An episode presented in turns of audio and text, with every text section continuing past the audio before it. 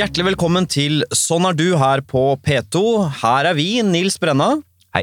Og jeg, Harald Eia, og i dag skal vi bruke vår personlighetstest, de fem store, som vi kaller den, for å finne ut hvilke deler det hele mennesket, programleder Anne Lindmo, består av. Hjertelig velkommen, Anne. Åh, Hjertelig tusen takk. Du er jo på link fra Svalbard. Nei, du sitter eh, her sammen med oss. NRK har jo fostret noen eh, store programledere. Først da var det da Erik Bye ikke sant, eh, som førstemann. Og det har jo stort sett vært menn som da ble sånne fredagskonger og lørdagskonger. Jeg har jo jobbet i dette systemet selv og observert det, og jeg har sett denne dyrkingen av disse mannlige stjernene med de store egoene, og alle hadde sine nykker. Det kunne være alkohol, det kunne være tafsing på unge kvinnelige medarbeidere. Ja. Men man godtok det, på en måte, for det var jo veldig flinke menn. ikke sant? Kunstnere, nesten, og man må akseptere at de har sine dårlige sider. Raseriutbrudd og tungsinn innimellom også. Og merkelige krav om hva som skulle være i garderoben før opptak og sånn. Og så kommer da du, Anne, og omdefinerer på en måte hele programlederrollen. eh, Fordi du virker så totalt ujålete. Det er en som ikke definerer seg som en stor stjerne, lar seg dyrke som en stor stjerne, som ikke er så sær. En som ingen er redd for, for det var mye frykt rundt disse menneskene i NRK. En som klemmer og bryr seg. Altså, At det gikk an å være, som man sier på jidisk, da, et mensch. Et godt menneske. En mensch! En mensch, ja. Så du har, eh, i hvert fall i mitt hode, omdefinert hvordan det er Eller, du har i mitt hode fylt denne rollen. Du har fylt denne programlederrollen på en helt ny måte, og det er vi spente på i dag, Nils. Altså, det der var en nydelig. Det var en veldig nydelig attest. Men det vi lurer på i dag, Nils, er om Anne Lindmo har en såkalt moderne topplederprofil. Det betyr at hvis du tar de fem hovedområdene, så skal man være unebrotisk, ekstrovert, altså utadvendt, Mhm. åpen, helst, ganske åpen, Ja. Høy på medmenneskelighet, det er man i Norge, og i USA er man kanskje litt hardere som leder, og så bør man jo være ganske høy eller høyere på planmessighet. Og dette er en oppskrift eh, er en, som noen har det er det som eh, ledere i snitt er og skal være. Men det sies jo at amerikanerne har litt øh, hardere ledere. Der er det litt annet system, så det er, det er en fordel i anførselstegn å være lavere på medmenneskelighet. For du skal jo styre noen, ikke gå sammen med dem. Ja, ikke sant? Mm. Ja, ja. Eller er det sånn, Anne, at du ikke har en topplederprofil, men har noen snåle, sære sider som uh, verken det norske folk eller vi har lagt merke til? Og vi begynner med det personlighetstrekket som uh, jeg selv har lite av, og som gjør folk til sprudlende, energiske personer. Vi skal se på Anne Lindmos score på ekstroversjon.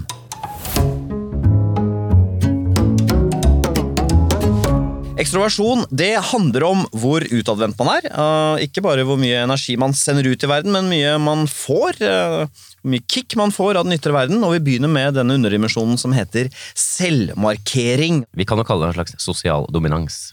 ja, ikke sant. Hvor høy svansen du har. Hvor høy svans. Hvor mye man merker at vedkommende er til stede. ja, Jeg kaller det svanseføring. Nettopp. Jeg har jo ganske høy svanseføring. Ja. Det har jeg. Er du villig til å sløyfe ganske? Jeg kan, kan godt være Skal vi gå over til rimelig høy? ja, som man sier det på elegant. Vi kan si minne om scoren. da. 50 er snitt. Ja. Eh, 60 begynner å bli tydelig høy. 65 er det 5% høyeste. Du har 71% høyeste. På svans? På svans. Det betyr at man merker at du er til stede, da. Ja, men La oss si du er i en litt uvant sammenheng. La oss si det er masse folk til stede. Ja. Et auditorium eller hva det kunne være. Ja. Er, du, er du de typen som kan rekke opp hånda i auditoriet? I, aller høyeste grad. ja, det er det. Ja. Ifølge vår test, da, når man scorer så høyt på selvmarkering, så kan man ofte oppleves som dominerende. Altfor dominerende. Har du noen gang fått høre at du tar for mye plass? Ja. Av hvem da? Nei, men det er folk som eh, vil ha mer plass, da, sikkert. Selv? Sikkert, sier du, som men da husker du, husker du det? eh, Nei, jeg får, jeg, får eh, eh, jeg, jeg fikk beskjed om det på videregående. husker Du jeg. det? Ja. Fortell deg, Hvordan var det på videregående? og hva ble det? Nei, men altså, greia var at jeg hadde hatt eh, Jeg hadde en meget stillfaren og lav profil de første ni årene jeg gikk på skolen. Da var jeg et uh, veldig Hvorfor det? Nei, fordi at da bare holdt jeg kruttet tørt, rett og slett. Eh, var prestedatter i en liten bygd. Eh, kjente på utenforskap. Eh, fikk eh, klare indikasjoner på utenforskap. Var ikke sånn høy eh, samstemthet der. Nei. Men det brydde jeg meg ikke så mye om. Men det betyr at jeg var ganske taus og hardtarbeidende med en god bob og et lite kardigansett gjennom hele grunnskolen. med helt sånn toskete høyt snitt på karakterer og sånn. Litt sånn bortkastet. Mye arbeid som ble lagt ned. Mm. Sånn ekstrem perfeksjon eh, på, på faglig innsats. Og så kom jeg på videregående, og da hadde jeg plutselig mye mye høyere sånn treffprosent da, på folk som jeg hadde noe til felles med, og som jeg hygget meg med, og som eh, fyrte meg opp, og som ga meg høy svans. da fikk jeg så høy svans at det hjalp. Hvordan, i, i, timene, liksom? Du Ja, snakka altså, helt ja. mye? Jeg tror det var, jeg tror det var Jeg hadde en lærer som til slutt sa til meg Nå må du bare ta det ned to hakk. For jeg tror jeg satt med Jeg tror jeg satt med, jeg tror jeg satt med fingeren oppe, liksom. Altså, rakk opp hånda? Jeg rakk opp hånda, hadde kommentar, hadde noe, hadde noe gøy, hadde noe ironi, hadde noe pepper. Da fyrte jeg på alle sylindrene da når jeg kom på videregående. Var det fyr på faglig sylinder, sosial sylinder Altså Men klarte du å roe deg ned etter at læreren sa det? Jo, jeg, jeg husker at jeg tenkte sånn, ok, fordi jeg ble sliten av meg selv. Ja. Ehm, så jeg måtte korrigere litt, eh, sånn sett. Men hvordan er det når du har en sånn eh, tross alt et ønske om å ta ordet og dominere sammenhengen? Hvordan er det for deg å lytte? Er det sånn at noen ganger er vanskelig å holde Ja, men jeg har ikke et ønske om å dominere. Nei. det, det, det tror jeg er en viktig forskjell der. Fordi Du jeg, gjør det, men du har ikke noe ønske ja, om å jeg ja. går ikke inn i et rom med, liksom, med et ønske om å liksom, liksom, ta over eller eh, kuppe situasjonen eller noe sånt. Det er jo ikke sånn det er. Nei, men må du holde deg? Er det hender at, hender at du må holde deg, liksom? Fordi du har egentlig lyst til å snakke mer? Nei Altså, jeg tror, jeg, jeg tror ikke jeg er blind for eh, Det er jeg ikke. Altså, jeg, er ikke eh, det ligger ikke folk og strødd i plogfura etter meg som jeg har kjørt over. Jeg har, eh, det, det kjenner jeg på, at jeg har en, har en veldig høy bevissthet og også en evne til å la folk blomstre rundt meg. Men intervjuobjekter, kan du sitte noen ganger og synes at de tar for lang tid på å svare og sånn? Intervjuobjekter. Nei, veldig, veldig lite utålmodig med intervjuobjekter, faktisk. Ja, for da er du så fokusert på Ja, det. og, og det er jo eh, noe av det som jeg syns er ordentlig gøy med å lage det TV-programmet. jeg lager, da. Det er jo at der kan Det, det, det funker jo dårlig hvis jeg dominerer. Ja. Har du Eh, det? Har du sett eksempler på det hos deg selv, eller? Ja, fordi Og det er jo noe man lærer underveis. At du, du, du kan ikke redde en samtale med å køle på sjøl. Eh, ikke sant? Hvis du, du syns noen er ugøyale, så hjelper det jo ikke å gøye opp selv. Eller hvis du Altså, du kan jo selvfølgelig hvis, altså, Det er jo Som god journalist så skal man jo prøve å på en måte treffe spørsmålene riktig og utløse de riktige svarene og alle disse tingene her. Så det er selvfølgelig det at du kan jo prøve å hjelpe et menneske fremover, eller ut av nerver, eller opp av grøfta, eller bort fra det jordet de har prata seg ut på, alle mm. sånne ting. Men noe av det viktigste man gjør når man intervjuer folk, er jo å holde kjeft. Og høre hva som skjer. Ikke sant? Nettopp. Ja. Men jeg kan bare spørre deg, har du- Er du sånn som i, når du, har to barn, er det? Ja, De har gått i barnehage og skoler og sånn. absolutt. Du sånn jeg type- valgte det. Altså, jeg valgte rett og slett å gi dem utdannelse. Ja, ja. Men er, det sånn, er du sånn som opp igjennom har fått mye sånn oppdrag som mange ikke vil ha? Liksom sånn FAU-er og sitte sånn i skoleutvalget og ta sånne oppdrag som foreldre ofte ikke tar? Er du den typen? Jeg eh, Jeg har vært eh, klassekontakt i elleve år. Du har det, Ja. I elleve samfulle år? Elleve skjønner du, eller? sammenhengende har jeg tatt. Det er vanvittig. Ja, jeg gjorde det. Ja, men det er fordi, da, når det kommer til oppdraget, er det fordi du har litt lyst, eller tenker du at ingen andre gjør det, eller hva er det som skjer da? jeg syns det, jeg syns det, var, det syns jeg var veldig hyggelig. For jeg tenkte at jeg må finne en måte å ha kontakt med skolen og læreren på. Ja. Og så syns jeg FAU var litt for arbeidsomt, for det er mye sånn byggesaker og mye sånn mobbepolitikkdokument som skal drøftes i 28 runder og sånn. Det syns jeg kanskje er sånn tid man aldri får Ja, for det tilbake. blir omstendelig, Det blir så omstendelig. Mm. Så da hadde jeg heller sånn um, Da kjørte jeg heller på Det hadde sånn fast oppskrift på hvordan jeg var klassekontakt, og da rulla jeg på en måte ut mitt årshjul. Men alle var liksom Fordi man er jo I sånne grupper så blir man jo egentlig bare ganske glad hvis noen sier sånn Jeg tar ansvar for det, jeg ordner. Så da Ja, ikke sant? Det skal sies at du har også veldig høy score på det som heter aktivitet, så du er veldig energisk. Du har masse overskudd, og du tar mye plass. Ikke sant? Så det, det koster jo deg kanskje mindre da, å ta disse vervene, selv om det må sies. Det er veldig imponerende å ha elleve år på rad. Ja, men det koster deg jo veldig mye hvis du skal sitte i sånn komité med sju andre, og så ender opp med å diskutere om vi skal ha lys eller mørk lilla Ja, serviett Så du var på alene? Juleavslutning. Jeg gadd ikke ha komité. Nei. Nei. for det, jeg fant ut det var min sånn kortere vei til målet. Da hadde jeg kjempehyggelig kontakt med lærerne. Og så fikk jeg kontakt med de foreldrene som eventuelt hadde noe problematikk som de ikke klarte å ta opp sjøl. Da kunne jeg være sånn uh, Terje Rød Larsen inn mot skolen. Det syns jeg var hyggelig. Og så, og så, ga, og så slapp jeg sånn, sånn, sånn lang sånn kverring på sånn Sånn, eh, sånn eh, e-postrunde i 46 ledd for å komme frem til hva læreren skal få til jul og sånn. Da tok jeg bare sånn på, Det er lotteri på høsten, det er sommerfest, det er grilling, ja, det er tur til til. Haraløkka, det er fast greie og kjempegod julegave til læreren. Høyere enn det satsen tillater offentlig. Dobbelt så mye. Gjerne alkohol. Ja, ikke sant? Ja, for det var ikke lov, og da sa jeg det skal du, de få. Har du vært eh, jeg vet ikke, klassekontakt, Harald? Jeg, faktisk, jeg har hatt eh, to barn innom skolen. Jeg vet faktisk ikke helt hva klassekontakt er. Si kort, si kort Men nå har du jo ny sjanse! Ja da, jeg har ny, nytt Nå kan, du, nå kan jo du bare ja, Du skal være eh, representanten for foreldregruppa eh, inn mot læreren og, og eh, skolen. Og, og Rett og slett. skolen, nei. Ja. Så det er ikke så vanskelig, men det går. man kan legge litt opp til sjøl hva man vil legge i det. Ja. En eh, underdimensjon under ekstroversjon som jeg synes er veldig interessant, Nils, er jo det som kalles for varme. Og interessant er den fordi man har lett å tenke at det handler om å ha empati. Men det handler ikke om det. Det handler om den energien du investerer i å pleie nære relasjoner. ikke sant? De menneskene som hei, hei, går den tett inntil, og hvordan går det, pang, versus de som er litt mer eh, reserverte, da. ikke sant? Som eh, ja, De går ikke tett inn og er personlige veldig fort. Så hvordan tenker du her, Anne? Skårer du høyt eller lavt på ekstrovert varme? Ehm, jeg, jeg tenker jo at jeg har Jeg er nok ganske høy. Du, Jeg er ganske høy. igjen kan du sløyfe ganske. Rimelig. Du er rimelig. Noenlunde. Du er tallet 71, du er innenfor 1 høyeste. Særdeles. Særdeles høyt. Ja. ja, men det er rimelig. går, men det merker jo når vi møter deg òg. Du kom inn her i stad, du har- kommer veldig lett eh, hva skal jeg si, rett inn med blikk, egentlig. Ja. Også til folk du Vi hadde jo møtt hverandre før, men du møtte en annen her ute. Du ser det jo veldig fort. At det, det faller deg veldig naturlig, det ikke- gjør det ikke det? Jo, jeg har ikke noe Jeg kjenner lite vegring og Det er ikke noe filter. Kjenner veldig lite vegring på det. Hva tenker du når du møter nye folk? Hvordan opplever du det, liksom? Nei, men jeg tenker Jeg vet ikke, men jeg, jeg kjenner liksom bare at det, Hva skjer nå? Nesten alltid så er det Nesten alltid er det noe gøy med Ja. å si sånn eh, Se, det, se der, ja. Der står du. Hva har du i posen? Jeg har klumper. Jeg har sånne Jeg har på en måte sånne eh, eh, forskjellige laug av venner som har litt forskjellig tilknytning til livet mitt, og litt forskjellig betydning i livet mitt. Uh, men jeg har ganske mange hvor jeg kan skrive sånn Jeg elsker å være sammen med deg. Men du, ja, du ikke sant? Jeg kan skrive det. Jeg, el jeg skrive at 'jeg elsker oss'. Skriver Ja. jeg. Vi har sånne tråder. Og det er, det er liksom så inderlig Og det er som det kan få det er blitt. Ja. sant. Du elsker Ja, men jeg elsker oss! Og så skriver jeg 'jeg er så stolt av oss'!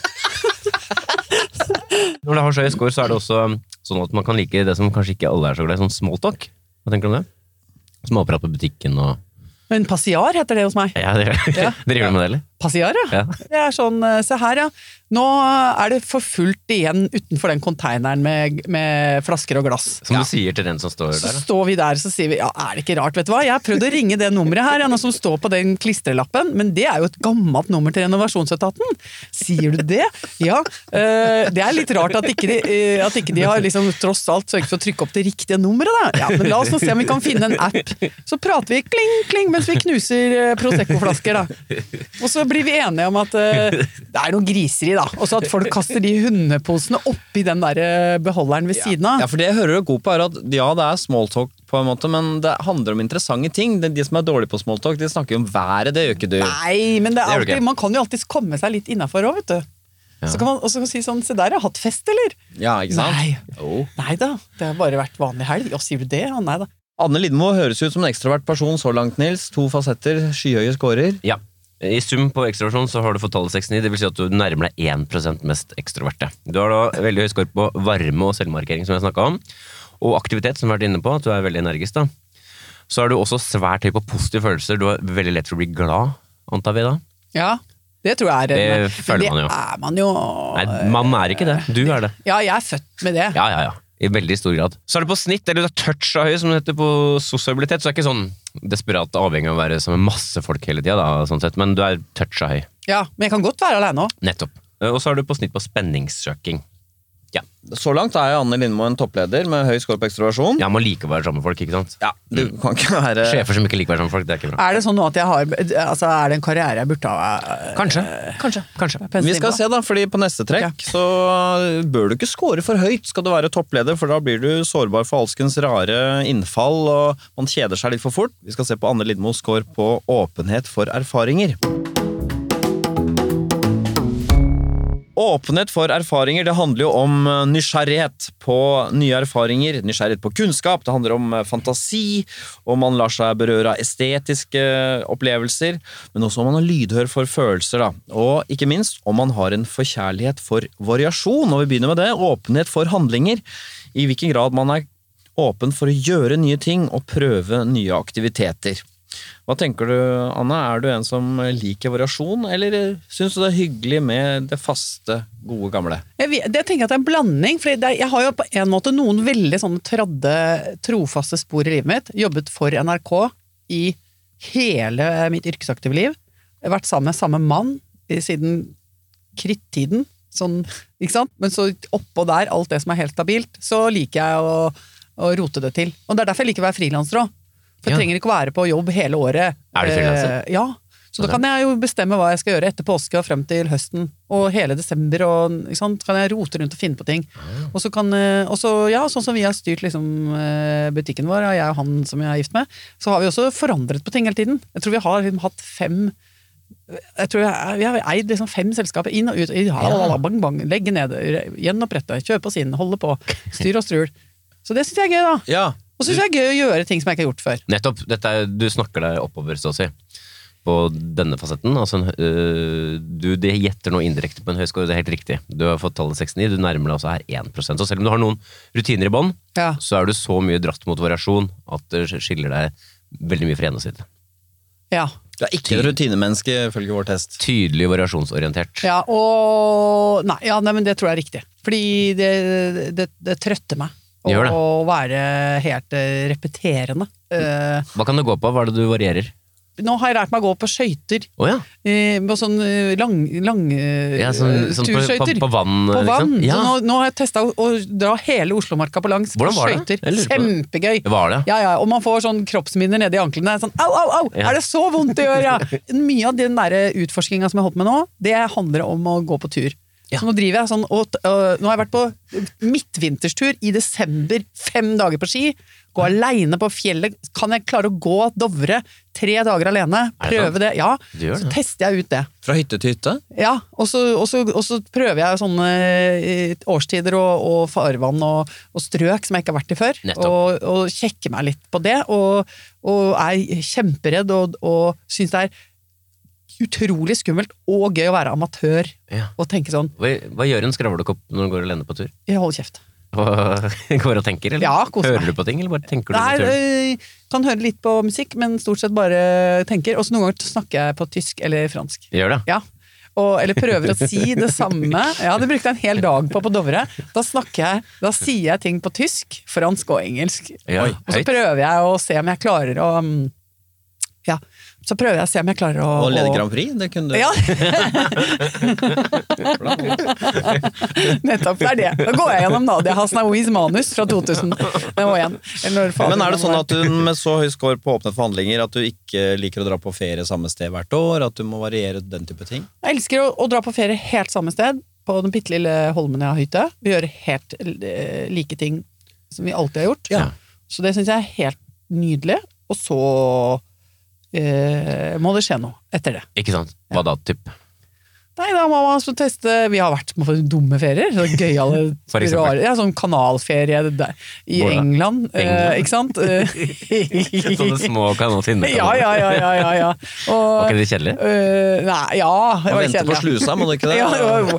Eller på, da på sånn østblokkidyll langt borti Litauen et eller annet sted, på en eller annen forblåst strand på en sånn Koko spa, hvor det er på en måte grenseland mellom vold og massasje. Og noen gamle kulestøtere som har liksom blitt omskolert til massører. Det har vært på mye sånn fjompete ferier, fordi at jeg skal alltid Og så skal vi alltid lengst bort. Ja, så når jeg har leid et hus på Madeira, så er det så langt Hvorfor er det langt bort, da? jeg vet ikke, for da er det bare ikke det litt gøy? Se om du kan klare å ja. Så er det sånn sju timer til den der lille butikken et eller annet sted. Ja. Ja, så høy på åpenhet for uh, handlinger. Det er på en måte den, den mest sånn, hva skal vi si, konkrete uttrykket for å være åpen for erfaringer, Nils. Disse andre underdimensjonene er jo mer sånn uh, ideer. Foregår mer i det stille, kanskje? Ja, for hvordan ligger Anna an her? Altså I sum på åpenhet så er du svært høy. 69, nærmere 1% her også. Det var da veldig. Ja, ikke sant? Det var da veldig. Det var veldig. Det er veldig. Og altså, du er da høy på handlinger, som vi snakket om, så er du høy på estetikk, altså kunst i alle dens varianter. Du blir mye berørt uh, av både natur og kunstopplevelser. Også, og noen ganger i sånn syk kombinasjon. Hva er det å være på vidda samtidig som du ser på et arbeid av Vanessa Baird? Nei! ja. Og så er du høy på fantasi, forestillingsevne. Det, det er mye tankespinn som kan få leve i hodet ditt. ja ja, men jeg underholder meg med det. Ikke sant? Ja, det hører man at du rett, lett får assosiasjoner til absurde situasjoner som ikke har skjedd. Ja. Og så er det på snitt på det som heter ideer, altså teoretisk nysgjerrighet i alle ens varianter, og på snitt på verdier, som handler egentlig om sånn å være relativ og tolerant og liberal. Sånn, jeg trodde kanskje du var høyere. Det er et eller annet, du har vel et eller annet, du, kanskje noen, du syns, noen ting du syns er liksom Du har en moralsk pekepinn uh, som Det er er på snitt, er på snitt altså. Du Det er ikke høy og ikke lav. Sånn syns jeg ikke man skal gjøre. Uh, Ja, men jeg har jo litt sånn eh, Ja, ikke sant? Kan vi ikke være enige om det, da? Ja, kan, vi ikke, unnskyld Ja, fordi- kan vi ikke, ikke, ikke kverre riktig. på det, da? La det ligge i bånn. Vi har jo vært inne på dette, Anna, at uh, du for meg skiller deg fra de gamle programlederstjernene, disse mannlige stjernene som ofte var plaget uh, etter en lang sesong, ikke så lang, ofte bare syv-åtte programmer, da var de slitne, da var det tungsinn, da var det alkohol, og da måtte da måtte ting de skjelle ut alle medarbeiderne sine 360 grader rundt seg og brake ut av kontoret. Ja. Skal vi se da om du ligner på dem, eller på, om du ligner på moderne ledere, når vi ser på Anne Lindmoen score på nevrotisisme. Nevrotisisme det handler jo om hvor preget man er av negative følelser. Det kan være sinne, det kan være tungsinn, men det kan også være angst, som da er tilbøyeligheten til å oppleve uro. Hvordan er det med deg, Anne? Er du, blir du lett engstelig? Nei. Veldig lite engstelig. Altså Du har fått et så lavt tall at det nesten ikke går an å få lavere. 24, det går bare ned til 20. Du er godt innenfor 1% For en parodi av et menneske vi har med å gjøre. Idealmenneske, vil mange mene. Det virker ikke så vanskelig så langt å være deg. Forferdelig. Men du er veldig lite redd, da, kan Ja. vi fastslå. har, du, har du vært i noen situasjon der andre har vært livredde, mens du ikke har kjent noe særlig uro? Jeg kan nok noen ganger eh, bli litt forbauset over at folk eh, ja, ser med uro på om vi kommer i mål, om vi, om vi får til. om På jobben, f.eks.? Ja, Stressa av at dette går ikke? Ja, eller at noen rundt meg sier sånn Men i all verdens land og rike, hvordan skal dere få til eh, Altså, her er det jo ting som kan gå gærent, og dette kan jo fort skjære seg, og Eller sånn eh, Ja, man driver og stabler livet sitt. Um, så kjenner jeg bare sånn Ja, men det går bra. Så dette, går, dette går fint. Og en ting jeg er kjempeglad for at jeg ikke har, er den mammaangsten som jeg også Ja. har Ja, mennesker rundt meg som har. sant? Som er den der, som jeg, Man er jo, elsker jo disse barna sine så høyt, og det er jo øhm, Ja, men det ser, man ser jo det rundt seg at det, åh, det kan jo skje fryktelige ting. Det kan være sykdom og sosiale ting og vanskelige ting og sånn. Men er det ting de har fått Hvor gamle er de nå, forresten? Ja, nå er en som er voksen, 18, og en som er 15. Ja, men ja. opp igjennom, er det, er det, vi tar det, er det gutt, jente, jente? Det er to gutter. Ja. Ja. Så de gutta, da, er det sånn at de har fått lov til ting fordi du ikke er, er så bekymra, liksom? Er det sånn? Ja. Hva da, for eksempel? Jo, men altså, han yngste vår, da, det, han var tolv, så ville han ut i skogen og ligge i lavvo og ha med seg primus og, og en sånn stor, deilig samekniv og masse tøffe ting. Alene? Ja, og så sa jeg sammen med kompisene sine, så sa jeg jøss, men det er da helt flott. Ja. Kan bare dra på Katisa, jeg har vært der mange ganger. Bare gjør det. Ja. Og da ble det jo det Eller da skjønte jeg at det var noen andre som syntes det var potensielt kjempefarlig. Ja, det vil jeg tro. Ja. Men det Var det én en som fikk lov av Nei, nei, så fikk alle lov, da. Ja. Eh, så sa jeg, men vi er jo bare 20 minutter unna. Og vi sender dem jo ikke ut uten telefoner. Altså, Hva er det som kan gå galt? Og, og på kvelden her så gikk ikke du rundt og tenkte på om dette går bra? Nei, da, og, og, jeg er, og jeg sitter heller ikke oppe Nei. om natten, sånn som mange kjenner. Ja, mange sier sånn Når ungene begynner å dra på fest og sånn, sitter jeg oppe og Ja ja, blir korte netter nå, det er nesten som i småbarnstida igjen og sånn. Er sånn, Du veit åssen det er, du får ikke ro før guttungen er i hus. tenker jeg, jeg får, jeg får så ro, jeg! Er han russ nå i år, eller? Mm. Hvor- hvor- Hvordan ble det, da? Nei, det tror jeg blir helt fint. Ja, derfor sitter- du, du, du er ikke klar til å hente, liksom, til enhver tid. Nei, og det gidder jeg heller ikke. Å sitte sånn eh, med, med beredskap og, og eh, liksom ha sånn service på henting over hele byen og sånn. Nei. Hjertelig. Tusen takk. Da får du sitte der som en idiot i det busskuret. Hva med miljøet? den-? Vi har hatt en vinter som har vært ualminnelig lite kald. Om jeg angster på det? Ja. det angster jeg for. Altså, hvis jeg skal si at jeg angster på noe, da kan jeg få kosmisk angst. En sånn foruroligende, ikke identifiser... Eller kan få en sånn Nesten sånn at jeg bare kjenner at det er noe som ligger i lufta, så puster det inn, og det liksom akkurat som en sånn kvalmende gass av redsel. Ja, det er det. Ja, det kan jeg få på at vi bare kjører på vekst på vekst på vekst, Ja. og at vi koker kloden, og at eh, Men setter den seg da i kroppen etterpå, den Ja, det kan jeg få sånn Kan bli sånn kvalm av oss, liksom. Ja, og bare lenger? Eh, Nei, altså det ville jo vært eh, Nei, for jeg går jo ikke og kjenner etter. Eh, men den tonen da kan komme opp det kan, det kan komme opp som en sånn Ja, kan komme opp som en sånn øh. Oh, ja. Og så sier han 15-åringen til meg Jeg er helt sikker på at vi kommer til å måtte forandre livsførselen vår radikalt i vår levetid etter at dere er død. Og da kjenner jeg på sånn åh, sorry. Nå har mamma akkurat bestilt en tur til Tenerife. Så er jo sånn grusomt sånn mett konsumhelvete av en mor. Men så rister det litt av deg også, eller er det litt sånn? Ja, fordi jeg, men jeg har jo ikke tatt konsekvensen av det. Så så, så, så kvalm er jeg jo ikke. Tvert imot, du trenger en ordentlig ferie når du har vært småkvalm. En interessant underdimensjon under nevrotisisme er jo fiendtlighet. Altså, det handler jo om temperament, Nils. Hvor hissig man blir, da. Irritert. Ja, bitterhet og frustrasjon, temperament og irritabilitet. Eh, er du en som lett uh, blir forbanna? Ja, altså jeg, jeg, jeg, jeg fyrer jo Jeg kan jeg bli krakilsk. Og sånn Ja! Det kan være like mye for at jeg har liksom gått gjennom hele leiligheten med en lekk søppelpose. Ja. Eh, og liksom spredt sånn makrell i tomatsaft over et helt teppe som er lyst. Eller at jeg blir sånn åh, er det, eller, åh, eller at jeg tar en sånn guttegjeng som står og pisser i undergangen under Majorstuen T-banestasjon. Ja. Ja, sånne ting. Ikke sant? Og da bare Men det høres ut som liksom, det gode humøret er ett tidel unna. Ja, for jeg føler meg ganske sånn latterlig når jeg gjør det òg, men jeg syns det er gøy, da. Det er veldig interessant, fordi det er gøy å høre om uh, den type skal jeg si, i anførselstegn sinne, som vi kaller det. da. Fordi det, er- det, er så, det, er så, det er fullt av så mye godt humør. Energi, det er masse energi, ja. først og fremst. Ja, det er, det er helt riktig. Det er masse energi. Det er en venn av meg som det hadde et avisinnlegg om da Anne Lindmos innsats som programleder, og det, kritikken gikk på at det var en sånn uheldig blanding av P3 og P2. Og så kom vi og snakket om dette her, og da gjorde det så inntrykk på meg hvor lett du tok på den kritikken. Du flirte av det. Ja, han der der, han har en greie med meg, jeg veit ikke hva det er. Og, ho, ho. og det virket som det kom fra et ekte sted, og da tenkte jeg dette er en person, altså du, som ikke har anlegg for eh, bitterhet. Ja, men det, vet du hva, det der sånt Det lar jeg fare så lett som en Altså, Nettopp, og det, det, du, har, bare for ta, du har fått et lavt tall her. Ja. Du har lav score på fiendtlighet 33. Det er tydelig lavt. hva skal jeg si? Jeg har jo Opplever jeg da, kanskje derfor jeg har fortrengt det sjøl, men jeg opplever at jeg har jo ikke fått så veldig mye sånn øh, fæl motbør. Det er jo noen ganger, øh, hvis man holder på med et eller annet prosjekt, så kan man jo plutselig stå midt i en sånn virvelvind av ting som bare tar øh, virkelig sånn Det blir et, i et omfang og et sånt trykk som blir helt urimelig, og da, det har jeg ikke stått i. Nei. Og de korreksene vi har fått, tenker jeg sånn, ja ja, men greit nok det.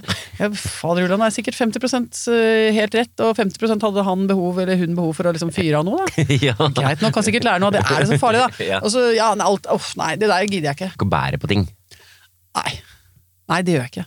Så eh, lite engstelig, lite hissig, i hvert fall sånn eh, hvis det er annet enn å drive og pisse på offentlig sted.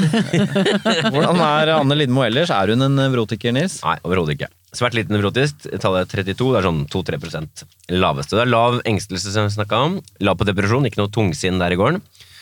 Lav fiendtlighet, som jeg snakka om. Og så har du lav selvbevissthet, selvfølgelig, hadde jeg snart sagt. Altså, du er ikke noe plaget av uh, sjenanse og sosial angst.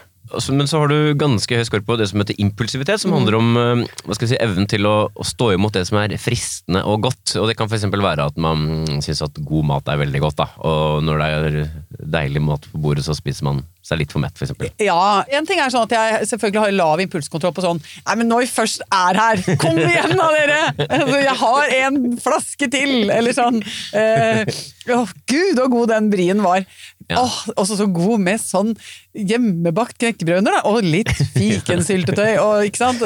Du ser jo denne kroppen her er jo ikke bygd på kli og, og kyllingfilet. Den er jo bygd på, på eh, salty caramel, eh, ikke sant? Ja, jeg skjønner. Sitter med ungene og så er det sånn Skulle ikke gått ned på Butta, som det heter nå, da. Butta, butikken. Butta. Ned på Butta. Og så er det sånn koselig dynamikk, så sier de sånn eh, Ja, vi drar, lufter bikkja, kjøper litt uh, så Hva kjøper du da, for Da er det salty caramel is. Og så, og så koser vi oss, og så kommer Hasse hjem, og så sier han Men herregud, klokka er kvart på elleve. Hva har skjedd? Uh, hvorfor er ikke ungene i seng? Og så sitter vi der og spiser salty caramel og, og grer bikkja, liksom. Og det er bare kaos. Hva er det beste du vet å spise? Det beste jeg vet, Mm. Er eh, masse forskjellig rot som bare kan lages ut av et kjøleskap, hvor det er masse eh, muligheter. Masse skåler med ting? Ja, altså bare Hæ? Å, nå fant jeg noe! Du, denne, er- denne blir god nå. Lager en rask liten chimichurri på den, så blir den entrecôten som nesten ligger og roper innerst der, den, den, den funker, den, skjønner dere! Så får de den. Og så er det sånn Å, vent, vent, vent! Blomkål med curry! Bare vent. Mye bedre enn dere tror. Bring it on, ja. Ja, sånne ting. Så du er svært unevrotisk, og sammen med det at du er så ekstrovert, så blir du jo det vi kaller, Nils, en eh, gladlaks. En, en klokkeren gladlaks. En sangviner, som de gamle grekerne ville sagt. Kristin Skoglund, Lund, Petter Stordalen, Alex Rosén, Solveig Kloppen. Klokkerene sangvinere. Ja. Glad uplagede. Så for meg et band jeg der plutselig Ja. nå. Sangvinerne. Altså, det var Ja. Ja, men eh, koret til medisinstudentene heter Ja. ja. Ja, men tenk så gøy med Kloppen og Petter Stordalen, for de er veldig veldig små. Ja, det er sant. og så kan jeg jo Alex Rosén er Alex Rosén og Kristin Skogen Lund stå Ja. bak. Det er en kvintett. Det er morsomt når kameraet panner bortover, så måtte det gå litt opp der. Ja, må må Live Nelvik også er jo også klokkeren her. Ikke sant? Ja. Åh, koselig gjeng det, da. Men du kommer ikke noen vei i livet ved å være en gladlaks. Du må også score Eller du kommer noen vei i livet, du blir jo en morsom person å være sammen med, men skal du gjøre karriere Tross alt, Anna, Anne, du har hatt mange prosjekter, og vi etterlyser denne topplederprofilen her. Om du matcher den, så la oss se, da, på din score på trekket planmessighet.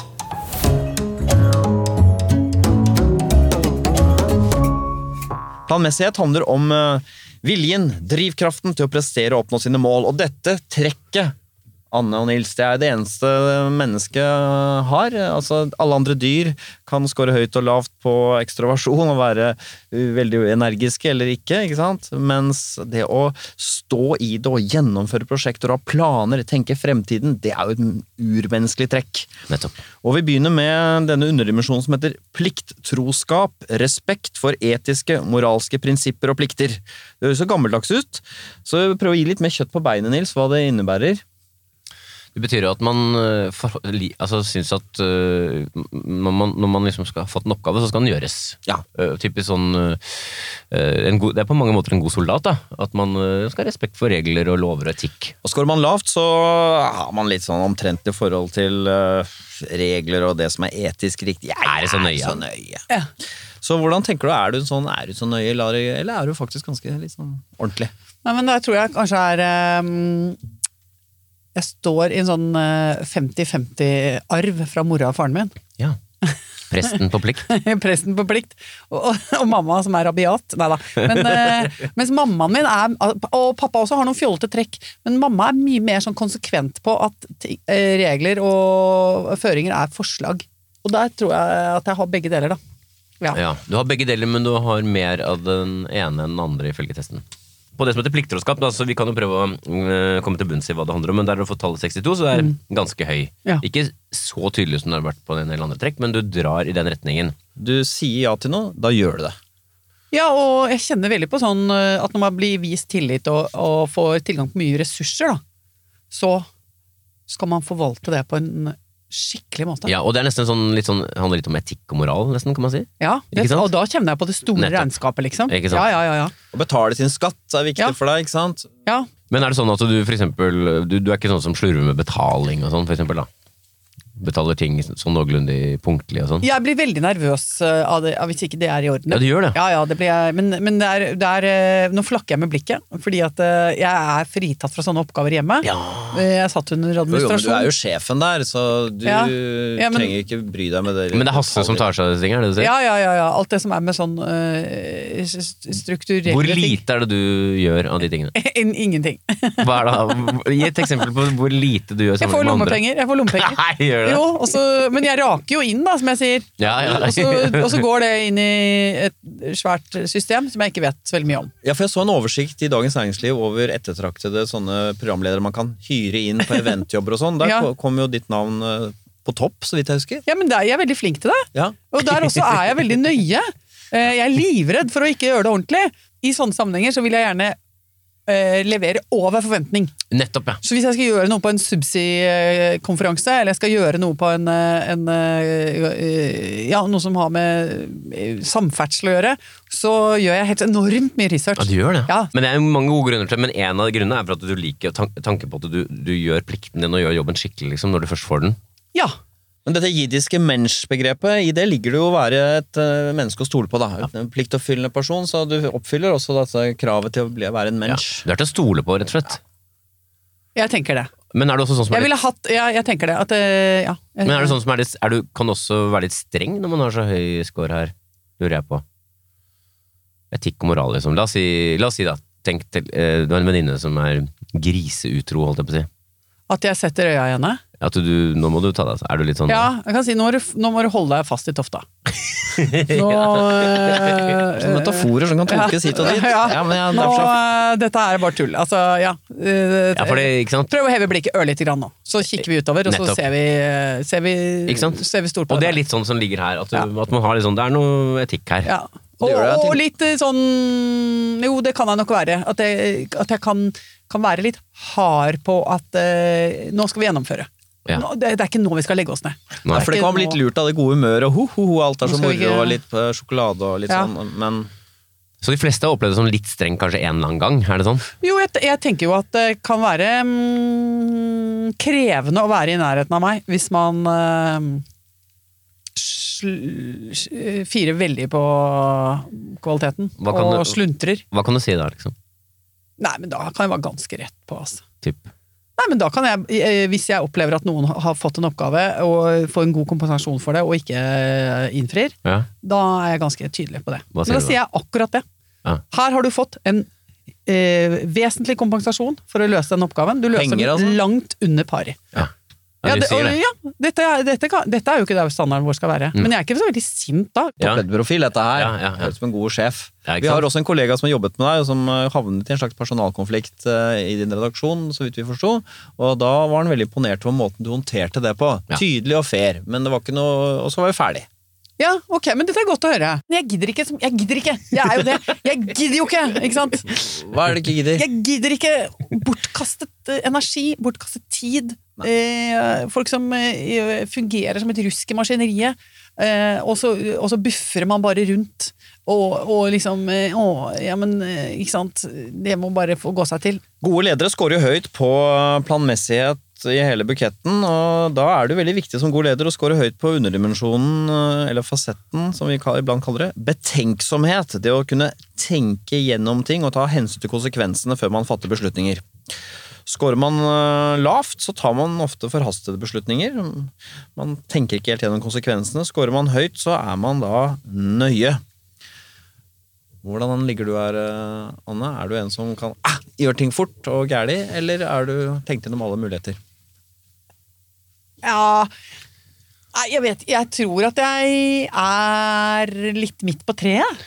Fordi, fordi jeg syns ofte at jeg har god plan, bruker tid på å planlegge ting, men jeg har også litt evne til Det slurver seg litt til, de drar det litt ut i svingen. Det koker seg til noen ganger. For å si på en annen måte, eh, De som er høye, eh, liksom oppsiden for dem er at de er grundige. Mm.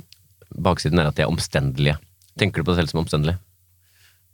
Ikke, i, i, noen, I noen sammenhenger er jeg omstendelig, men eh, i veldig mange andre sammenhenger så er jeg litt for at vi må komme oss i mål, men det kan godt hende Ja, at så eh, det tyngdepunktet du beskriver der, det drar deg nedover. Ja. Det er helt riktig. ja.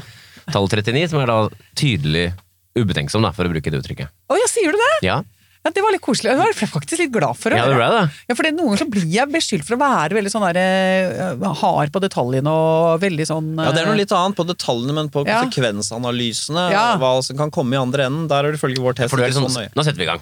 Er det ja, ikke sånn? Ja, og jeg tror, Nå må vi komme oss i gang jeg, jeg, tror ikke vi, jeg tror ikke jeg hadde laga eh, de tingene jeg har gjort, hvis jeg hadde sett alle eh, konsekvensene hele tiden, eller dvelt så veldig ved det.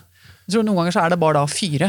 Det er litt interessant hvis jeg kan øh, kommentere det, Harald, at du også er jo lav her sånn. Fredrik Skavlan også lav her sånn. Det er noe med kanskje at det er litt sånn Jeg vet ikke om du kan si noe, Harald, hva du tenker om Jo, du, det er uan... Altså, det er bedre å jobbe kjapt og heller ta krisen når det kommer, tenker jeg da. Det, er, eh, det kan, kommer kanskje an på bransjen. altså Jobber du i finansbransjen, så lønner det seg ikke å være sånn, men kanskje mer i mediene. At du slenger ut ting og prøver ting, og så kan du korrigere, og så Ja. Ja, fordi vi bygger jo ikke rørledninger. Nei. Uh, som liksom, hvis de sprekker, så er det på en måte Nei, vi bare prøvde et konsept her som uh, Det dret seg litt, men, eh, og nå er det liksom åtte millioner sjøfugl. men altså, hei hei, må være litt sånn uh, stup og skyt, tenker vi da. Da gir det jo noen fart og energi i, i Ja, for det omstendeligheten da, det som er det motsatte, det høres jo litt sånn trått ut. Du ser jo iblant programmer som kommer på TV som tydeligvis har vært mm, 20 komiteer, har sittet og planlagt i tre år. Det blir, det blir jo ikke interessant. Nei, ikke, nei, og det er jo noe med det at uh, også, i, også i det litt sånn uh, elleville, blinde forsøket på ting, så kan det skje innmari gøyale ting, da. Det kan også ligge her, det må ikke gjøre det, men det kan også ligge her at man kan ha gjort litt mye dumme ting da, Uh, når man er lav på betenksomhet. Ja, altså jeg har jo kjørt inn i parkeringshus med sykkel på taket og sånn. Altså, det, liksom, ja da, og det er mye sånn Det er mye sånn latmannsbør. Eh, Ja, okay. Prøve å bære alt du har i bilen inn, og ende med det er så gøy når det går. ja, Det er utrolig hva lillefingeren kan bære, Ja, det er utrolig. Å ende med å sånn både ripe opp bil, eh, miste og knuse eh, en ikke sant, verdifull ting og få kink. Ja, Ikke riktig. sant? Bare, men jeg kom inn døra. Et menneske, Nils, som øh, er, har mye pliktfølelse. Litt sånn slurvete med å øh, beregne konsekvensen av det hun gjør. Men øh, Rask, kanskje vil man noen si da, men ja. Ja. Så planmessigheten generelt, øh, er det topplederprofil her? Ja, du, har, du er ganske høy på planmessighet. Du er 58, det er ikke superhøyt, så du er liksom over streken. Du er sånn ca. 15-20 høyeste, tross alt. Det er bra, det. Du er høy på selvdisiplin. Du har evnen til å stå i det selv om det er kjedelig. Du har høy pliktfølelse, som jeg har snakka om. Mm. Du er ganske høy på det som heter kompetanse, som handler om ja, hva skal jeg si, eh, selvtillit i en litt sånn vid forstand. Og så er du ganske høy på orden. eh, Og så er du på snitt på det som heter prestasjonsstreben, som rommer det ambisiøse. Så du er ikke sånn voldsomt ambisiøs oppi alt, da. Nei, og det kan nok stemme, for jeg har egentlig Jeg har aldri hatt sånn veldig sånne klare mål. Nei. Jeg trodde jo at jeg skulle bli akademiker. Jeg trodde at jeg skulle være sånn eh, velstudert øh, fagoversetter. Ja. Ja. Og, det, og det er egentlig det er den eneste sånn helt klart formulerte ambisjonen jeg hadde. da. ja. Og, og, og den, sånn at alt annet er jo egentlig bare liksom en um, avledning. Altså alt er jo et uh, Holde på med noen sideprosjekter Eh, ja, eller, og, og så, så når jeg liksom la det til side og begynte med studentradio og P3 og sånne ting, så uh, da hadde jeg jo ikke noe mål om det. Jeg synes jo, jeg overrasket meg selv og omgivelsene mine med at jeg begynte å jobbe i P3, og at jeg begynte å bli programleder der. Og sånn. altså, det var det jo ingen som så komme. Mm. Eh, det, er det, sånn som, det er folk som sier sånn ja, men vi visste jo at du skulle begynne med det greiene der. Så jeg, nei, det visste dere ikke. ikke. Okay, Og ikke jeg heller. Overhodet ikke. Ja. Og det var ikke noe, jeg tror ikke at det går an å si at det var noen indikasjoner på det heller. Uh,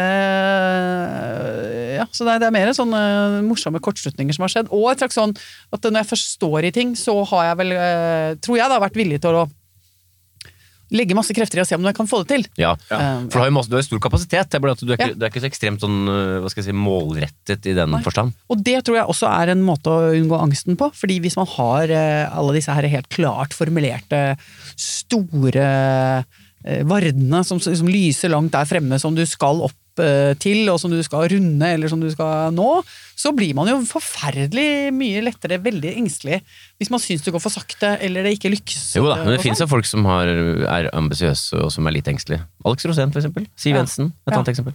Okay, Det er ja. fullt mulig du hadde sikkert takla det òg. ja, nei, men, eh, Med, den- med de eh, grunnbestanddelene. Men det er interessant, for alle lager sånne systemer at Ja. eh, det er bra jeg ikke har det, for da ville du gjort mer av det. Ja, og sånn. ok, ja. I vårt eh, opplegg så er disse uavhengige av hverandre. Ja, ok, jeg skjønner.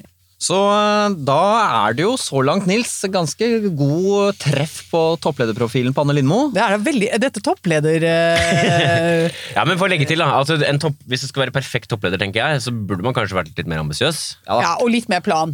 Og kanskje ikke være så ubetenksom. Jeg tenker Hvis man først Ja. skal være superpirkete, Ja. så litt eh, minus på ubetenksomhet, og Ja. litt minus på ambisiøsiteten. Ja.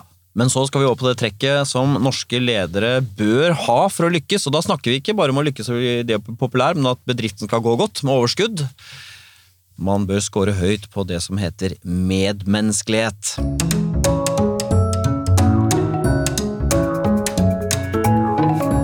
Medmenneskelighet handler jo om eh, om man møter folk med piggene ute eller med åpne armer. Medgjørlighet liker jeg ofte å snakke om. ikke sant? Er det sånn at det oppstår friksjon eh, og problemer i møte med andre mennesker hele tiden, eller er det sånn at ting glir ganske godt? Og en av de tingene som skal til for at relasjoner glir godt, det er empati. Det handler om hvor mye sympati og medfølelse man har for andre mennesker. Hvordan er det med deg, Anne? Er du et utpreget empatisk menneske?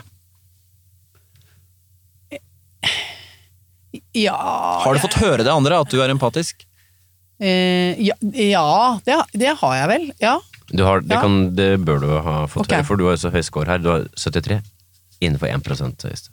Ja, men La oss si redaksjonen din, da. Hvis noen Ja. har et, et problem. Et eller annet. Jeg, ja, det engasjerer meg. ja, det gjør det. Ja, det Hvor lite, hvor lite uh, kan du engasjere deg i, så å si? Eh, Er det sånn, jeg er litt uh, jeg, Veldig små ting. Ja, for eksempel. hva? Ja, nei, høyden på pulten. Å ja. Oh, Ja. Hvis en medarbeider syns det er litt lav pult? Ja, fordi jeg hadde en medarbeider som var veldig høy jente, kjempeflink, utrolig flink, eh, sitter mye og klipper, og, og da fikk hun vondt i ryggen. Da går jeg og henter en brakonøkkel, og så ordner jeg, og så skrur jeg av pulten, og så jobber vi med Da er jeg hennes ergoterapeut. Ja, det gjør det. Ja, det gjør jeg. Av en slags godhet, da, Ja, men, kan man si. eh, Eller medfølelse. da. Jeg vet ikke om det var så veldig godt eksempel. I dag så, jeg, så kan jeg bli sånn at jeg bruker for jeg sto opp tidlig, og så, og så leste jeg om at det var Nå er det 10% av mennesker i uh, yrkesaktiv altså alder som er uføretrygdet. Og da, eh, da blir jeg da, da, det, det, det, da blir jeg veldig opptatt av det. Ja, men jeg, syns så synd på dem, eller tenker Ja, du så tenker ja. jeg så Og, så trøstesløst. Fordi de som skårer lavt på empati, vil tenke sånn ja, nå er det mange latsabber og unnasluntrere ja, men, her. eh, og så driver jeg og så følger med på en person i nærheten der eh, hvor jeg bor nå, som jeg ser inn på i første etasje, som ofte går i sånn, det er veldig koselig, går ofte i sånn hvit trøye uh, i en sånn leilighet Uh, som er sånn opplyst, Um, på en måte som gjør at du ser veldig godt inn. Og der har jeg sånn scenario nå på at han er sånn uføretrygdet og sånn trist. La oss si for eksempel at du skulle jobbe i helsesektoren da, og møte mennesker som er Ja. syke og døende. Ville det tatt livet av deg? Jeg tror kanskje at det hadde vært litt eh, stor berøringsflate mot uh, ren uh, sånn uh, tragedie. Mm. Kanskje blitt litt sliten av det, altså. ja. Ja, det kan jeg tenke på noen ganger. At det, det tror jeg ikke et, Jeg har, jeg har en venninne som jobber med, med vold og overgrep i politiet. Ja. Eh, og det er sånn, da tenker jeg, det tror jeg faktisk ikke jeg hadde klart. Nei.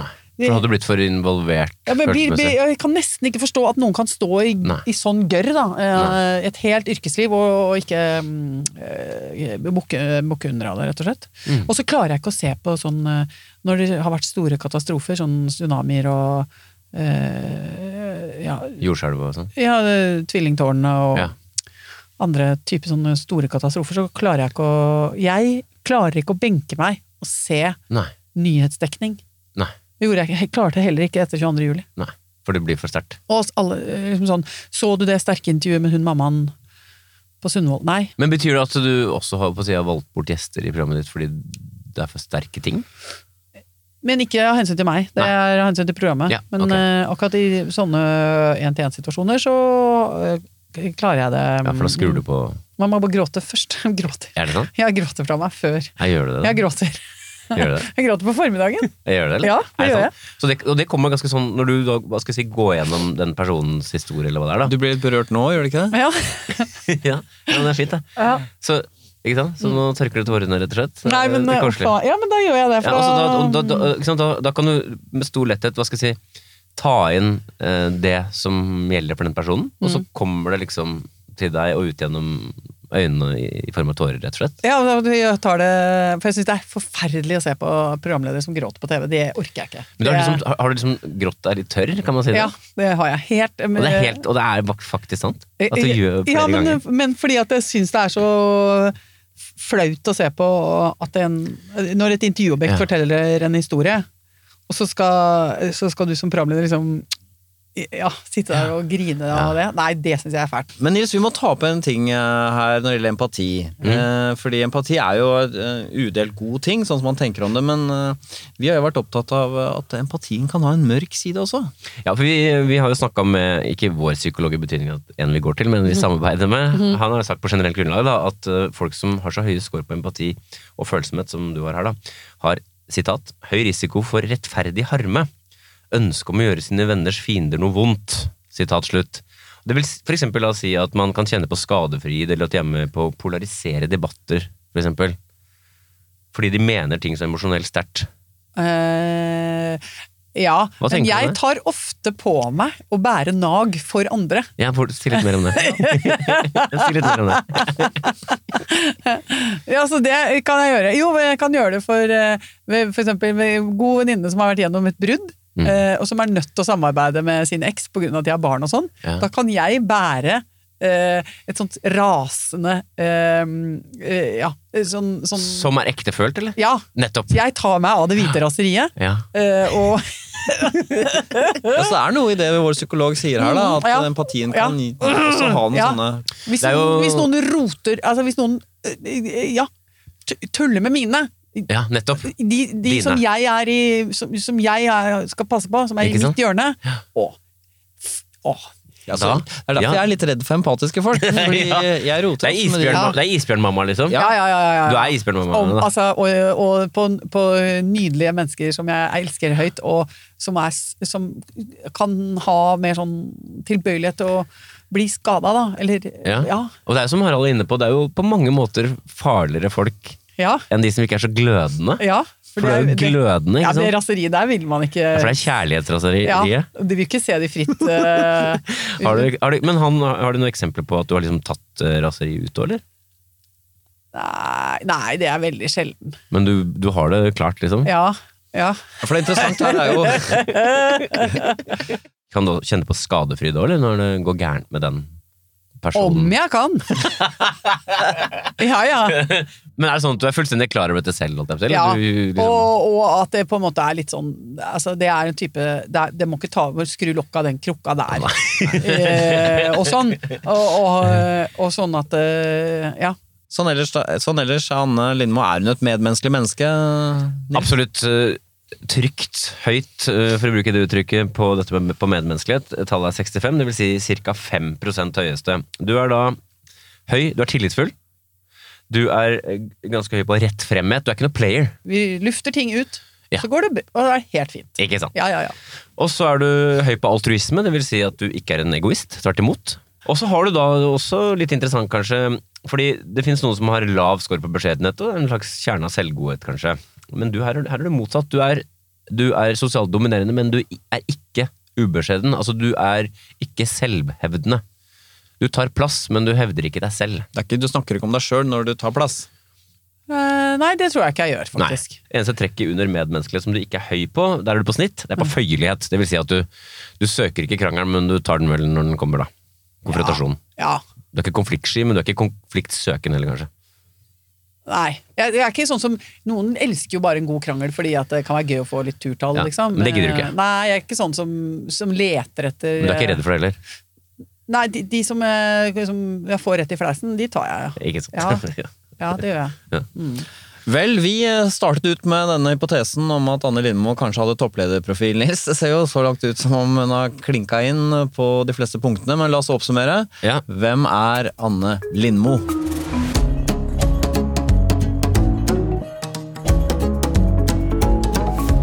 Ja, hva skal vi si? Anne Lindmo hun er da ekstrovert. Hun er unevrotisk. Hun er høy på åpenhet. Hun er planmessig, og hun er eh, medmenneskelig. Så det er nesten en eh, klokkeren topplederprofil her, Nils. Det som er interessant, er jo at på disse liksom, hovedområdene så er det jo alt som det skal være, liksom. Men når vi kikker under lokket på noen av dem, så ser vi at det er sånne ting som i anførselstegn trekker ned. Da. Og det er jo eksempel at du kunne vært litt mer ambisiøs, kanskje. Ja. For å være en virkelig drevet eh, toppleder. Jo, men jeg tror jeg, vi skulle nok ikke drevet noe i privat sektor. Jeg, Nei. jeg føler at jeg burde drevet en Offentlig sektor, ja. Det hadde blitt litt underskudd og sånn. Det hadde blitt litt rot. Og jeg hadde sagt til styret sånn, vet du hva, nå har vi gitt alt, dere får ikke dette overskuddet. Jeg hadde blitt litt mer sånn rotete, tror jeg. Men, men det skal jo sies her, Nils, at uh, ja vel, så ikke så høy på ambisiøsitet, men i det store og det hele så er jo Anne, vil jeg nesten si, det perfekte mennesket. Hvorfor kan ikke alle være sånn som Anne Lindmo? Det, det, og det ville ikke blitt noe kjedelig heller hvis folk var Nei. sånn som Anne Lindmo. Det er lett og morsomt, ikke bare å være der, men å være sammen med deg, tenker jeg. Så utrolig hyggelig, Harald Eia. Nå føler jeg at eh, vi bygger en relasjon. En, en sterk, Nærmer det seg et vennskapsbånd?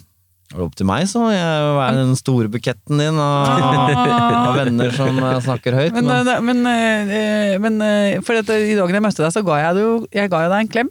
Ja, Og så vet jeg at du ikke egentlig er en klemmer. Men eh, jeg lever i et samfunn. ja. Jeg følger trafikkreglene, men jeg er egentlig Ja. ikke Nei. Men jeg, da tenkte jeg sånn, kanskje jeg skulle bare liksom yte deg respekt og gi deg det som en gest. At jeg sa 'god dag, Harald Eia', og så bare ga deg neven og bare sa nok, og så et lite sånn nikk. Som en gave til deg, da. Men jeg klemte deg. Åh, dette var veldig hyggelig. Ja, du må leve med det at du har vært heldig med For heldig har du vært med å få en sånn fin bukett egenskaper, da. Ja, og det tenker jeg at det, det er jo bare eh, flaksen. Hvor lykkelig er du på en skala fra 1 til 10?